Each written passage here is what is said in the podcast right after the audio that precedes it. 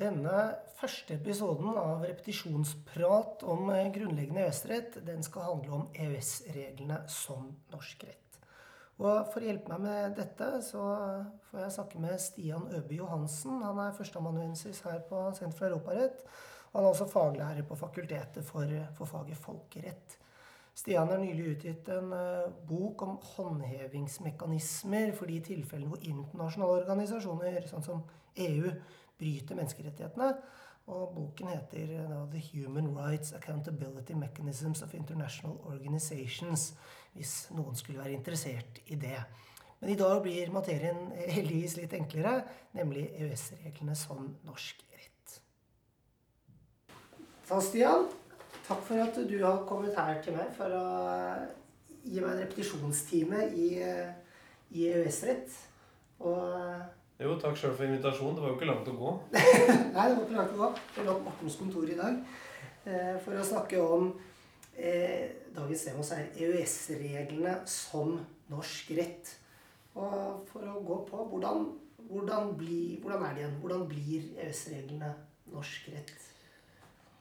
De blir jo det ved å først bli folkerettslige forpliktelser for Norge som stat, og så gjennomføres som en del av norsk rett. Og grunnen til at det er en slags totrinnsprosess her, er jo det dualistiske utgangspunktet. Altså norsk rett sjøl er jo selvrefererende og bestemmer da virkningen av folkeretten i nasjonalrett. Og EØS-rett er folkerett.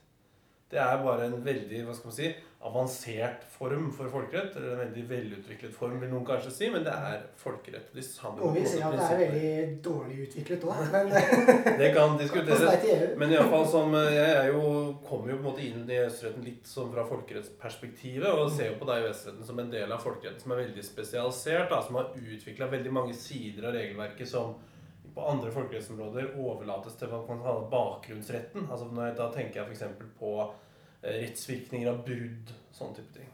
Rettsvirkninger av brudd på folkeretten? Ja, ja. For EØS-retten så har man jo egne regler om rettsvirkninger av det, om domstolskontroll, om f.eks. også hvordan ting skal gjennomføres, som vi jo kommer tilbake til. Altså fordi EØS-retten det går jo veien fra å være på en måte EU-vedtak, eh, e da, hvis vi snakker om direktiver og forhandlingene, mm og til å til slutt bli norsk rett. Så det vedtas et direktiv eller en forordning, eller vi kan si kalle det lovgivning, mm. i EU.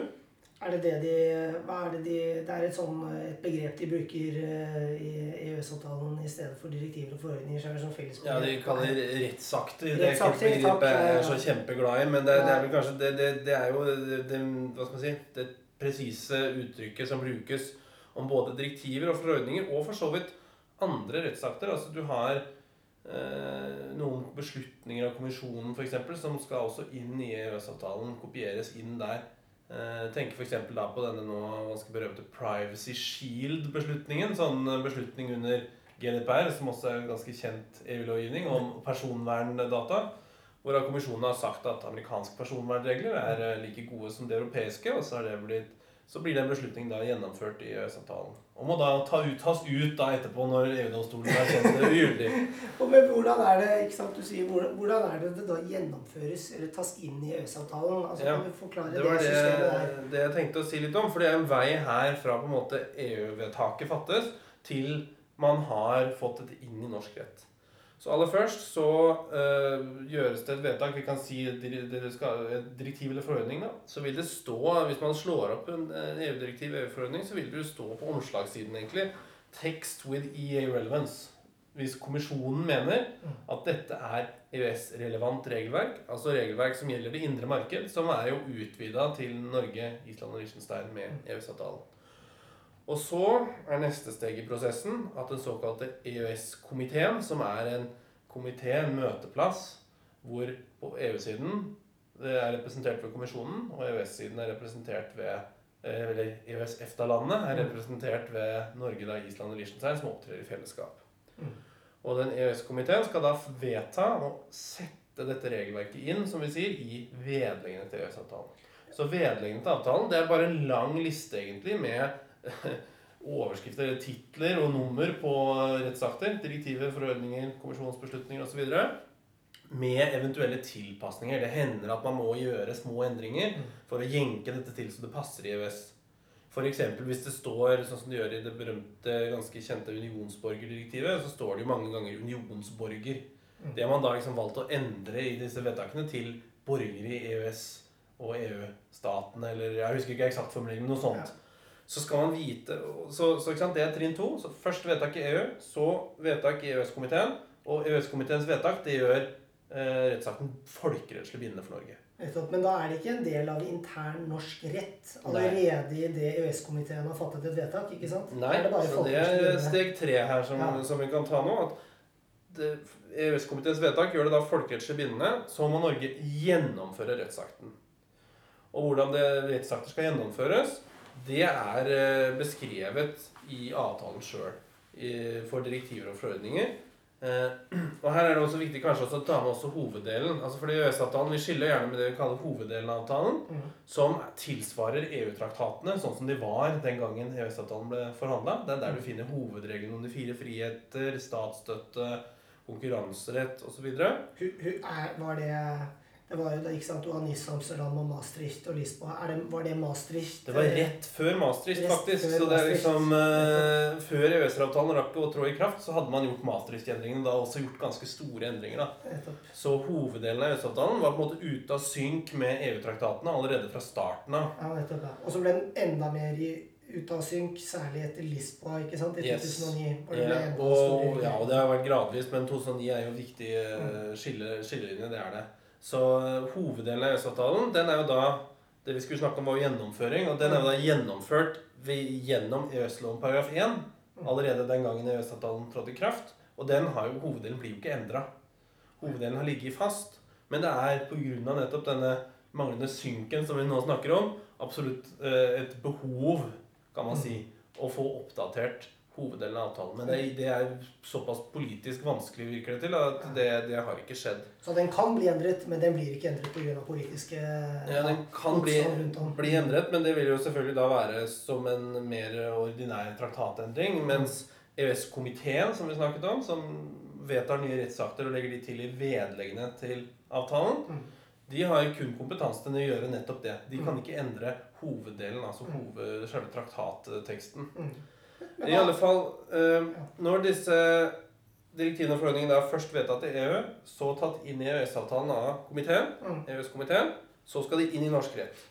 Og det EØS-avtalen sier hvordan det skal gjøres, forordningene de skal gjennomføres as such, som sådan. Det betyr, selv om det har vært eh, litt nyere diskusjon om dette i eh, bl.a.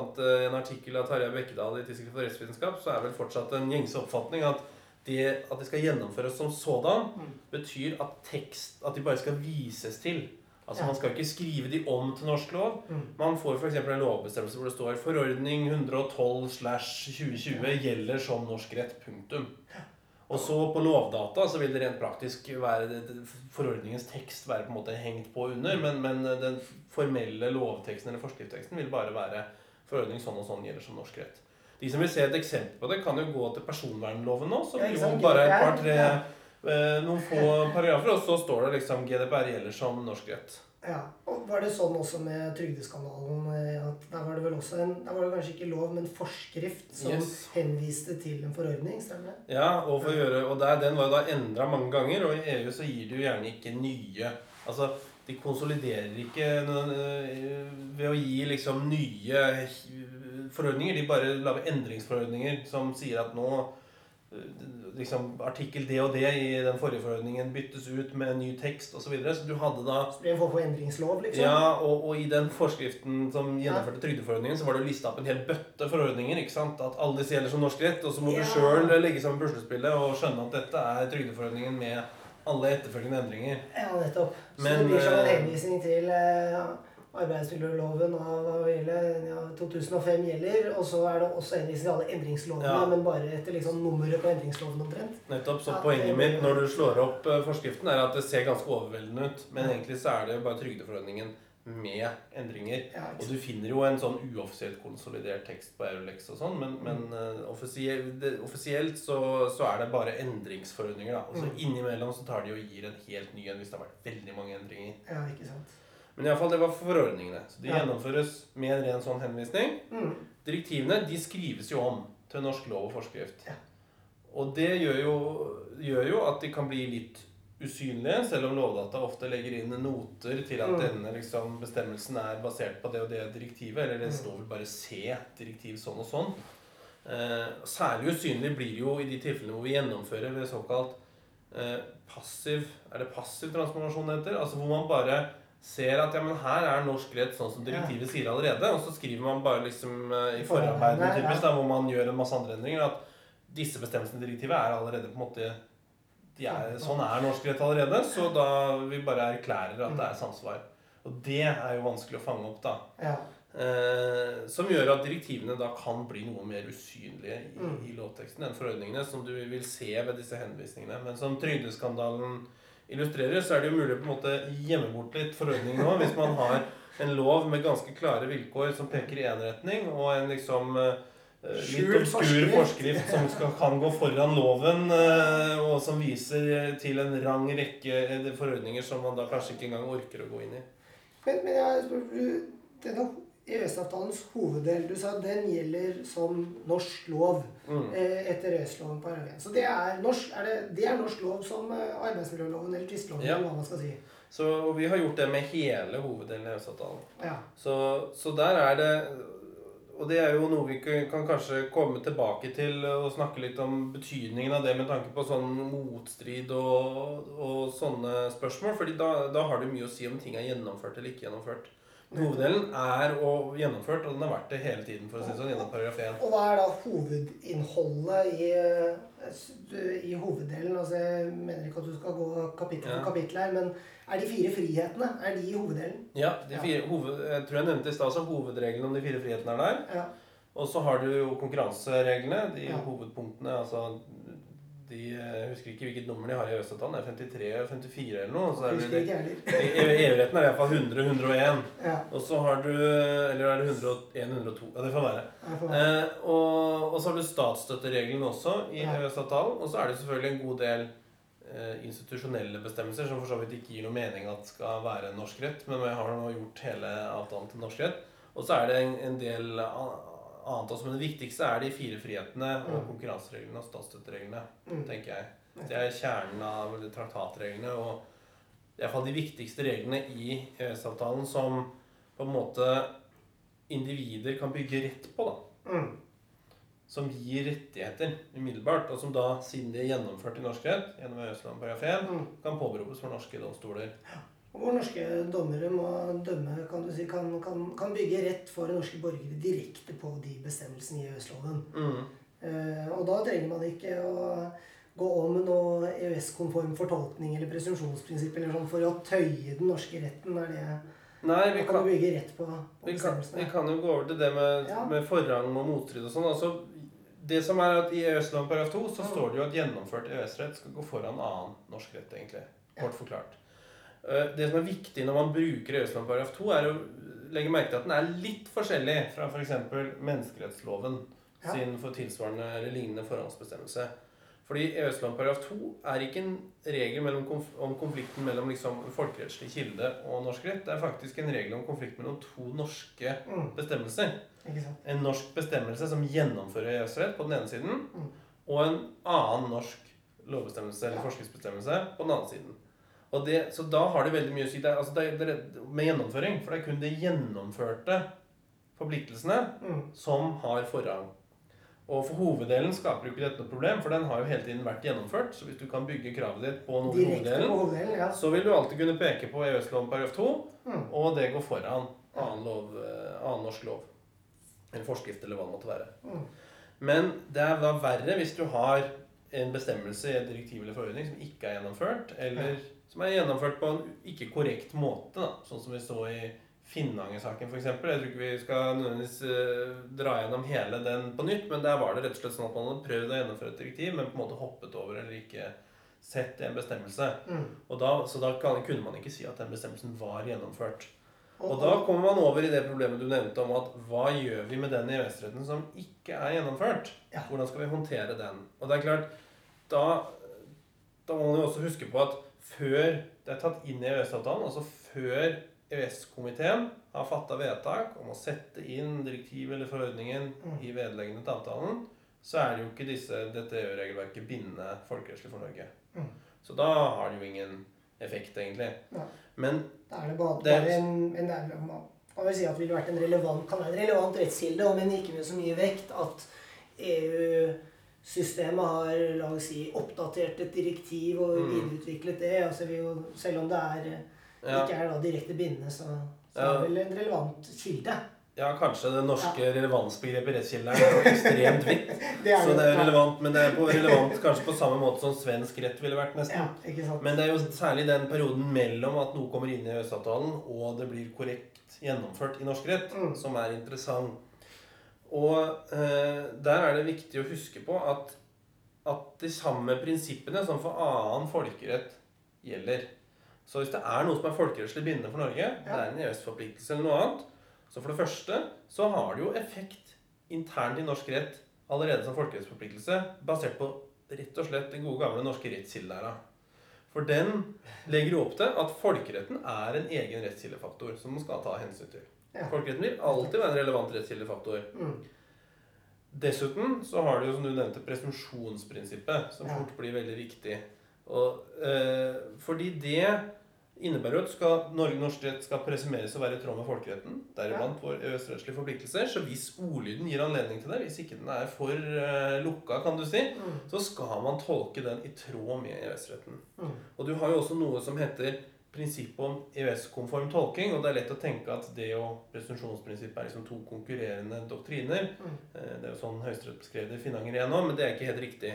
Prinsippet om EØS-konform tolking er egentlig et prinsipp som gjelder for alle EØS-landene, og som også gjelder i EU, om at man skal bruke den nasjonale rettskildeverktøykassa Ja. as far as possible, så langt som mulig, for å oppnå EØS-konformitet. eh. Og det betyr da at vi, skal, vi må bruke presumsjonsprinsippet. Nettopp. Så det å bruke presumsjonsprinsippet liksom Hvis du har en lovbestemmelse som lar seg tolke, og du har en EØS-forpliktelse som, som, ikke er gjennomført, ikke er gjennomført, da, ja. så er du faktisk nødt til å prøve å skvise alt du kan ut av presumsjonsprinsippet. Du må bruke det så langt du kan for å prøve å oppnå et konformt resultat. Men det er klart, hvis ordlyden er så klar og så Mm. motstridende med den aktuelle forordningen i direktivet at det ikke er mulig Mm. å bruke presensjonsprinsippet for å på en måte komme i mål, da, få et konformt resultat, Ja. så må man jo selvfølgelig respektere at norsk rett gjelder. Ja, og det, skjedde, det var resultatet i den første Finnanger-saken. ikke sant? Høyesterett sa at uh, det er feil gjennomført uh, EØS-rett. Mm. Vi kan ikke gi denne borgeren rettigheter direkte uh, på en måte bygget på denne EØS-retten som ikke er gjennomført. Mhm. Stemmer det? Ja, og de kunne ikke bruke presumsjonsprinsippet til å komme til en løsning som ga Finanger rett. Mm. Rett og slett fordi at, eh, at ordlyden var så klar at eh, Jeg husker ikke eksakt formuleringen, men det er noe sånn som at man er Høyesterett at man var utenfor det området man kan si at en bestemmelse kan forstås på flere mulige måter. Ja, Den var rett og slett for klar til at det var mulig å forstå den på en annen måte. Mm. Så presumsjonsprinsippet også veldig viktig. Og så skal vi også huske på For det, det er lett å glemme at siden folkeretten Nei, siden EØS-retten er folkerett, Ja. så vil vanlige sånne sektormonismebestemmelser som vi finner rundt omkring i lovverket, også gjelde for EØS-retten. Er det sånn som i tvistloven en eller annen bestemmelse, og Yes. straffeloven en eller annen bestemmelse? Straffeloven paragraf 2, Ja. eh, tilsvarende straffeprosessloven, tvistloven, tvangsutbyttelsesloven, tror jeg også, en del andre lover. Ja. Eh, og utlendingsloven kan jo være veldig Ja. praktisk, ikke sant? med fri bevegelighet og, Mm, og så videre. Eh, og, og de bestemmelsene sier jo at Norges folkerettslige forpliktelser Mm. går foran norsk rett. Ja. Så de har, gjelder jo også ikke gjennomført. EØS-rett, ikke sant? Så de går på, på sett og vis litt lenger enn paragraf 2, da. Og de sektorene det gjelder. Ikke sant? Så det en, kan være en veldig eh, en nyttig En joker. Og som kanskje er lett å overse, da. Ja. Og interessant nok har jo ikke trygde, folketrygdloven en sektormonismebestemmelse, da, men, eh, men de hadde, ikke helt iallfall. De hadde jo heller den løsningen med at man måtte liksom peke på hvilket regelverk som skulle kunne gå foran, foran loven. Som er det grunnen til at du hadde den forskriften som gjennomførte forordningen. Ehm, så det er, det er noen av effektene av ikke gjennomført EØS-rett.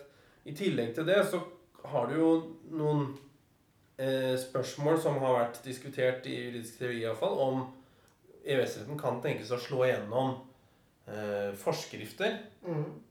Eh, og da er resonnementet Det er særlig Altså, Arnesen og Stenberg... får Stenvik liksom forrang for forskrifter? ja, ikke gjennomført EØS-rett. Ja.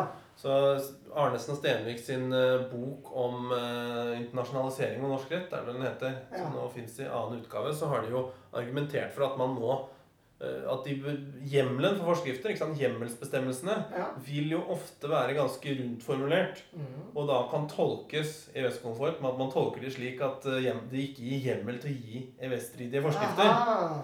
Man er bruker, presumpsjons, man bruker presumpsjonsprinsippet på forskriftshjemmelen. Okay. Og ut fra det så kan man da kanskje muligens komme til at rett og slett forskrifter i strid med ikke gjennomført EØS-rett alltid vil være eh, ugyldige. Rett og slett fordi de ikke har hjemmel. Ja, nettopp. Ja. Og det er jo et fiffig resonnement. Vi har ikke bekreftelse i domstolen ennå, så vidt jeg vet, i hvert fall, på at det faktisk er tilfellet, men det er et mulig resonnement. Men, men nå er vi jo tenker jeg, nå er vi jo litt sånn inne i, i, i finjuss her. Men, Mhm. men er denne, denne Hvis vi kan kalle det finjussen, er det så er det i praksis så, så, så ofte at det dukker opp, eller vil det som regel være sånn at eh, EØS-rettslige problemstillinger de blir løst ved at direktiv eller forordningen er helt eh, korrekt gjennomført, men kanskje oversett, og så vil eh, det på en måte løsningen være at eh, det er gjennomført i norsk rett, men kanskje oversett, og da følger det EØS-loven paragraf eh, 1 og 2, Mm. at, nei, paragraf 2 da, at eh, den har forrang eh, i, med ved motstrid med norsk lov eller norsk forskrift eller noe. Ja, nei, Det er jo det som vil være det mest praktiske. Ja. Altså, så disse eksemplene på ikke gjennomført EØS-rett er jo mer der er jo, Du har jo den tidsgapet mellom selvfølgelig vedtaket i EØS-komiteen og gjennomføringen. Da Mm. kan det være interessant. Og så er det selvfølgelig hvis det gjøres noen feil ved gjennomføring. da. Men, men praktisk sett så er det som du sier, EØS-retten blir jo rutinemessig gjennomført. Altså Mm. det gjøres, Man gjør jo så godt man kan for å få gjennomført det riktig. ja, Og som f.eks. trygdeskandalen viser, så er jo kanskje problemet heller at man eh, overser den litt. Eller f.eks. som vi snakka om direktiver som ligger bak en lov eller et forskrift, men som du glemmer å gå til direktivet da, når man skal tolke, f.eks. Og da kanskje få feil tolkningsresultat. da. Fordi det er jo tusenvis av direktiver Ja. og som ligger bak utrolig mye norsk lovgivning. Og, og det er lett å overse de notene på Lovdata, selv der hvor det faktisk er noter. Ja. Og tenke at man bare kan liksom ture på med norsk eh, tradisjonell norsk metode. Men altså, da må man også huske at tradisjonell norsk metode er jo, er jo EØS-retten er jo en del av det. ja. Og den gjennomførte EØS-retten er norsk rett. Mm. Og selv om det ikke skulle være gjennomført òg, så er det jo, følger det jo av norsk metode det er norsk rettskildelære at du skal bruke internasjonale kilder som er bindende for Norge. Ikke sant? Ja, nettopp. Og så har du vel også en, et problem til som ja, altså med, med manglende samsvar, hvor du kan få manglende samsvar mellom EØS-retten og norsk rett, som Mm. de vel var inne på i blindsonen, at, at, de, at man ikke oppdaterer regelverket etter hvert som det kommer ny praksis. Det er Ja. vel også et eh, problem. Mm. Ja, du kan jo få sånn at eh, reglene blir liggende på flere nivåer, da, sånn som i trygdeskandaletilfellet, hvor du har ikke sant, forordningen i og for seg korrekt gjennomført, men i en forskrift til loven som skal ha forrang for resten av loven, Mm. eller for, for, for loven, Ja. og så er lovteksten direkte i motstrid med det som følger av forordningene. sånn at den eneste måten å komme fram til riktig løsning på, er jo å se både norsk rett, EØS-rett, holde ved siden av hverandre og bruke forrangsregelen. Enten da i dette tilfellet trygderettslovens egen folketrygdlovens egen forhåndsregel eller EØS-lov paragraf 2. Ja. Men det er jo ikke god lovteknikk. Nei, det Eh, og det vil, kan, kan også være i strid med EØS-rettens regler om hvordan ting skal gjennomføres. ja. Iallfall for direktivers Ja, eller nei, generelt så er det jo sånn at du kan ikke lene deg på forhåndsregler, liksom. Nei, du har en viss klarhetskrav og Ja, krav til tilgjengelighet på et vis. Nettopp. Ja. Det skal være mulig for folk å finne ut av rettsstillingen sin. da. Mm. Uten at du da skal bli lurt at du ser på en lovtekst som sier at du har ikke lov til f.eks. å reise utenlands med, med sykepenger. da. Mm. Og så må du, Men det du skulle sett, var tilfeldigvis begravet begravd i en henvisning i en forskrift til en forordning. Så står det at jo da, du har likevel lov. Ja. Eller, eller eh, EØS-rettens hoveddel. da, Det er jo også litt diskusjon i den trygdesaken hvor egentlig retten til å reise ligger. Men at den ligger der, er ikke noe Ja. tvil om. Den ligger i forordningen, eller om den ligger i eh, hoveddelen av de, Mm. de grunnleggende frihetene i Mm. Et siste tema som jeg vil at vi skal heve om, er litt, eh, en liten repetisjon på dommene fra EFTA-domstolen. Er de bare folkerettslig bindende, eller er de kan på den dom fra EFTA-domstolen tvangsgjennomføres i, i Norge av norske namsmyndigheter? Eh, eller er det, er, er det en bare folkerettslig? Eh, ja, Når det gjelder EFTA-domstolens rettspraksis, så må du jo også skille litt mellom dommer og disse rådgivende uttalelsene. Ja. Så når vi snakker om så rådgivende uttalelser, er jo de tilfellene hvor norske domstoler spør EFTA-domstolene om hjelp rett og slett, til å forstå noe EU-rett, og så får de et svar tilbake. Mm. Det Er er det bare det- Er det rådgivende. det som ble gjort to ganger i Fosenlinjen-saken, og som det ble litt bråk om? Det er det. Ja, da var det rådgivende uttalelser. Og de er bare rådgivende, selv om EFTA-domstolen kaller de judgment. Eh, Dette her har vært litt frem og tilbake tidlig på 90-tallet, og så har de landa på at alle avgjørelsene, de kaller de, avgjørelsene sine kaller de judgment. Men formelt er det rådgivende uttalelser. Har jeg forstått rett at i EU så er disse rådgivende uttalelsene Der er det faktisk judgment, faktisk, ikke bare rådgivende uttalelse? De er ikke, de er ikke engang rådgivende uttalelser. De kalles for preliminary rulings, og de kalles judgments uh, av domstolen sjøl. Ja. Men der, der er de bindende, ja. Så det er en stor forskjell. forskjell. Mm. Men når det gjelder eh, Men FN-domstolen avsier også dommer. Ja. Men da er det ikke fordi en norsk domstol har spurt om hjelp. Da er det en sak enten mellom ESA, overvåkningsorganet, EØS-varianten av kommisjonen, Mm. som da har anlagt sak mot en medlemsstat. Eller det kan være et foretak, f.eks. For mot ESA. Typ noen som har blitt ilagt en bot i en konkurransesak. Ja. Som saksøker ESA vil ha vedtaket kjent ugyldig. Mm. Og i de eh, sakene der, som er enten da traktatbruddsøksmål, som vi kaller de tilfellene hvor ESA går på en medlemsstat, eller Mm. direkte søksmål, som vi kaller der hvor noen utfordrer et vedtak fra ESA, f.eks. en bot i en konkurransesak, Mm. der avsies det dommer som er Mm. bindende. Ja. Eh, Traktatbruddssakene de er, eh, de er folkerettslig bindende for staten. Eh, og der er det ikke noe altså det ikke, Generelt sett gir jo ikke god mening å tvangsbebrydde mot staten, men, Nei, men, nei.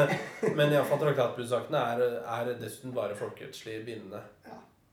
Nettopp så spørsmålet, eller et premiss for spørsmålet om mulig tvangsgjennomføring, det var, det var litt feil på en måte. Det blir eh, Ja, men det er klart i de, de tvistene som gjelder private, så, så, så er, har jo- Jeg vet ikke helt om man kan si at og jeg, Det her er mulig jeg ikke har detaljene helt klart for meg, men det er ikke gitt at dommen i og for seg i seg sjøl er, er eh, tvangsgrunnlaget, men den underliggende bota, da, som mm. EFTA-domstolen eventuelt sier er gyldig, den er jo av, vedtatt av ESA, Ja. og den kan gjennomføres, tvangsgjennomføres, tvangsinndrives. Det er jo faktisk den, nettopp de bøtene i konkurransesaker og sånt, det lille området der av Mm. kompetanse som er overført til ESA med, til å fatte da vedtak med direkte virkning for norske privatpersoner, da Mm. egentlig selskaper, Ja. det er jo den myndighetsoverføringa som gjorde det nødvendig å bruke nåværende paragraf 115 i Grunnloven når vi inngikk EØS-avtalen. Resten av EØS-avtalen er formelt sett ikke, innebærer formelt sett ikke suverenitetsavståelse. Siden vi har eh, EØS-komiteen, hvor det må være enstemmighet, sånn at vi ikke er liksom nødt til å, Sånn at vi i prinsippet har et veto, da, kan man si. Ja. Men um, Så, så, så det var altså for å bare ta det, siden du nevnte veto. Hva, hva, hva er da vetoen? Er vetoen at man sier, ikke sier seg Ikke vil gå med på et vedtak i EØS-komiteen? ja, vedtak i EØS-komiteen krever enstemmighet. Og formelt sett, da, fra, Ja. fra en grunnlovsperspektiv, så har man da suvereniteten i behold. Mm. Man kan alltid si nei.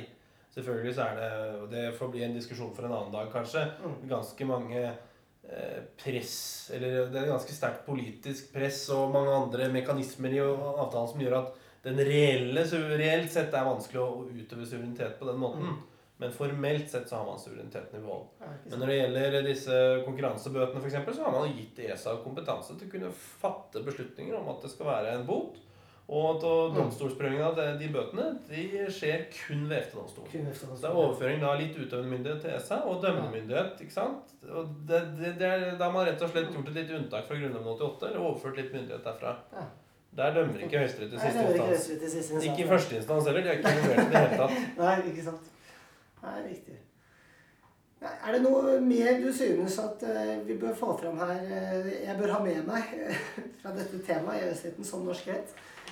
Jeg tenker at Det viktigste er å huske at, at EØS-retten nettopp er norsk rett. Og det å, å alltid ha det i bakhodet, da, og, Mm. og, og være obs på nettopp de der små referansene, fotnotene på lovdata Mm. eller annet eh, regelverk. Og, og så er det jo det å huske at selv om det da ikke skulle være gjennomført, Ja. så er det fortsatt relevant Mm. som rettskilde, og har betydelig vekt, egentlig. Fordi eh, presumsjonsprinsippet i norsk rett er veldig sterkt. Ja. Eh, Det skal ikke undervurderes, og det er sterkt eh, ikke bare for EØS-retten, men for all folkerett. Mm. Og som du sa altså, før man trenger å i, kan si, gripe til presumpsjonsprinsippet, så kan man og bør man eh, se om man her har en sektormonismebestemmelse på Mm. dette området, som gjør at eh, den da Ja, eller rekkefølga kan det diskuteres. Jeg vil Ja. mene at man bør tolke før man konstaterer motstrid. da, Så presumsjonsprinsippet først, kanskje. Ja, enig.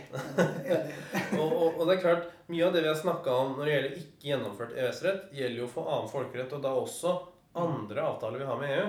Jeg tenker på f.eks. Schengen-samarbeidet, Mm. eh, asyl, Dublin-systemet. Vi får ikke snakke noe mer om det, har kanskje ikke tid til å prate noe om det nå, men, men det er jo masse andre regelverk og avtaler vi har med EU, eller andre internasjonale Mm. avtaler, som jo, kan, som, som jo de samme prinsippene gjelder for når det gjelder gjennomføring, med presumpsjonsprinsippet, sektormonisme osv. Ja, Lugano-konvensjonen er kanskje også blant dem. eh. Ja, det er riktig. Og det er også en avtale med EU, vet du. Ja. ja, Det er Norge og Sveits og Island, tror jeg, på ene siden, Island, og EU på andre siden. Ja, så liksom, Det er ikke, ikke EØS-landene, men Sveits er med, og det er eh, Ja, det er som det ofte er litt komplisert og litt blanding. Europeiske Ja. arrestordre, så er det Norge og Island og EU. Ja, nettopp. Så du må, det er virkelig et komplisert felt også utafor selve EØS-avtalen. Ja. Men vi får slå oss til ro med det vi har fått, fått sagt i dag om EØS-avtalen. Og så får vi tilbake til de vanskeligere eh, gråsonene av EØS-avtalen ved en senere anledning. Tusen takk for praten, Stian. Ja, Vi må jo ha flere episoder, må vi ikke det? Ja, Vi må ha flere episoder. Det er klart vi må ha flere episoder. Takk for at du har hørt på denne episoden av Senter for Europaretts podkast. Vi er i en startfase av dette podkastprosjektet, og vil gjerne høre fra deg om hva som funker godt, om noe, hva som funker dårlig, og hva du eventuelt vil høre mer om. Det er bare å sende en e-post til meg, Trygve Harlem Losnedal. Min e-postadresse er litt lang og kronglete, men du finner den på Senter for Europaretts hjemmesider. Og dette er vår avslutningsjingle. Shubidubidubidubidu,